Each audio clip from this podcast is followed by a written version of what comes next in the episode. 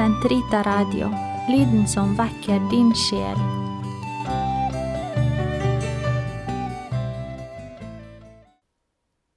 Den katolske kirkes katekisme, uke 10, onsdag, paragraf 1194 til 1203.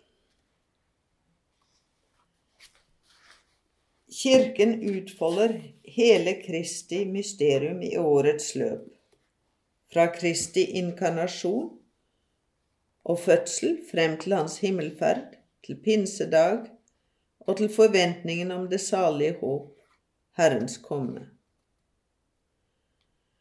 Når Kirken på jorden ihukommer de hellige, i første rekke Den hellige Guds mor, dernest apostlene, martyrene og andre helgener, på bestemte dager i det liturgiske år, viser den at den er forenet med den himmelske liturgi. Den lovpriser Kristus, som har fullbyrdet frelsen i sine herliggjorte lemmer. Deres forbilde ansporer den på dens vei mot Faderen.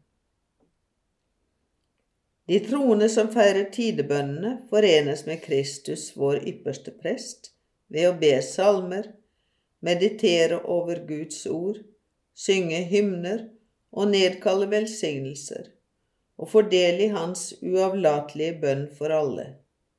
En bønn som gir Gud ære og nedber Den hellige ånds gave over all verden. Kristus er det sanne Guds tempel, det sted Hans herlighet bor. Ved Guds nåde blir også de kristne Den hellige ånds templer, levende stener som kirken er bygget av. Under sitt liv på jorden trenger Kirken steder hvor fellesskapet kan komme sammen, det vil si våre synlige kirker, hellige steder, bilder på den hellige by, det himmelske Jerusalem vi vandrer som pilegrimer i møte med. Det er i disse kirker at Kirken feirer sin offentlige gudstjeneste til Den hellige treenighets ære, at den hører Guds ord og synger Hans pris, lar sin bønn stige opp og bærer frem Kristi offer, sakramentalt til stede i forsamlingens midte. Kirkene er også steder for stillhet og personlig bønn. Annen artikkel liturgisk mangfold og enhet i mysteriet. Liturgiske tradisjoner og kirkens katolisitet. Fra urmenigheten i Jerusalem og frem til Kristi gjenkomst feirer Guds kirker, som er trofaste mot den apostoliske tro, overalt det samme påskemysterium. Det mysterium som feires i liturgien, er ett, men måtene det feires på, er forskjellige. Så ufattelig rikt er Kristi mysterium at ingen liturgisk tradisjon kan uttrykke det fullt ut. Historien om hvordan de forskjellige riter har utfoldt og utviklet seg, vitner om en forbausende komplementaritet.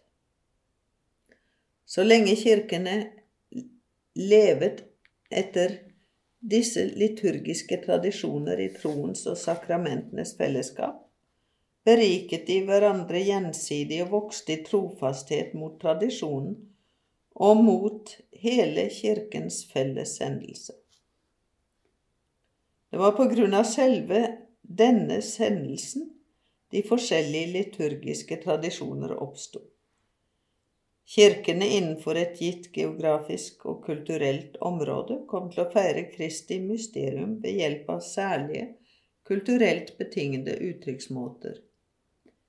I overleveringen av troens skatt, i liturgisk symbolikk, i måten å organisere brødrefellesskapet på, i den teologiske forståelse av mysteriene og i hellighetsformer. Slik gis Kristus, lys og frelse for alle folkeslag, til kjenne ved en kirkes liturgiske liv for det folk og den kultur den er utsendt til, og hvor den slår rot. Kirken er katolsk, den kan ta alle kulturers sanne rikdom opp i sin enhet etter å ha renset dem. De liturgiske tradisjoner eller rite som i dag holdes i hevd i kirken, er den latinske ritus, først og fremst den romerske, men også enkelte lokalkirkers ritus, slik som den ambrosianske, og også enkelte ordenssamfunnsriter. Og den bysantinske, den aleksandrinske eller koptiske, den syrianske, den armenske, den maronittiske og den kaldeiske ritus. I trofast overensstemmelse med tradisjonen erklærer dette hellige konsil at Den hellige mor, Kirken, anser alle lovlig anerkjente riter som like i rett og verdighet, og at den for fremtiden ønsker å bevare dem og begunstige dem på alle måter.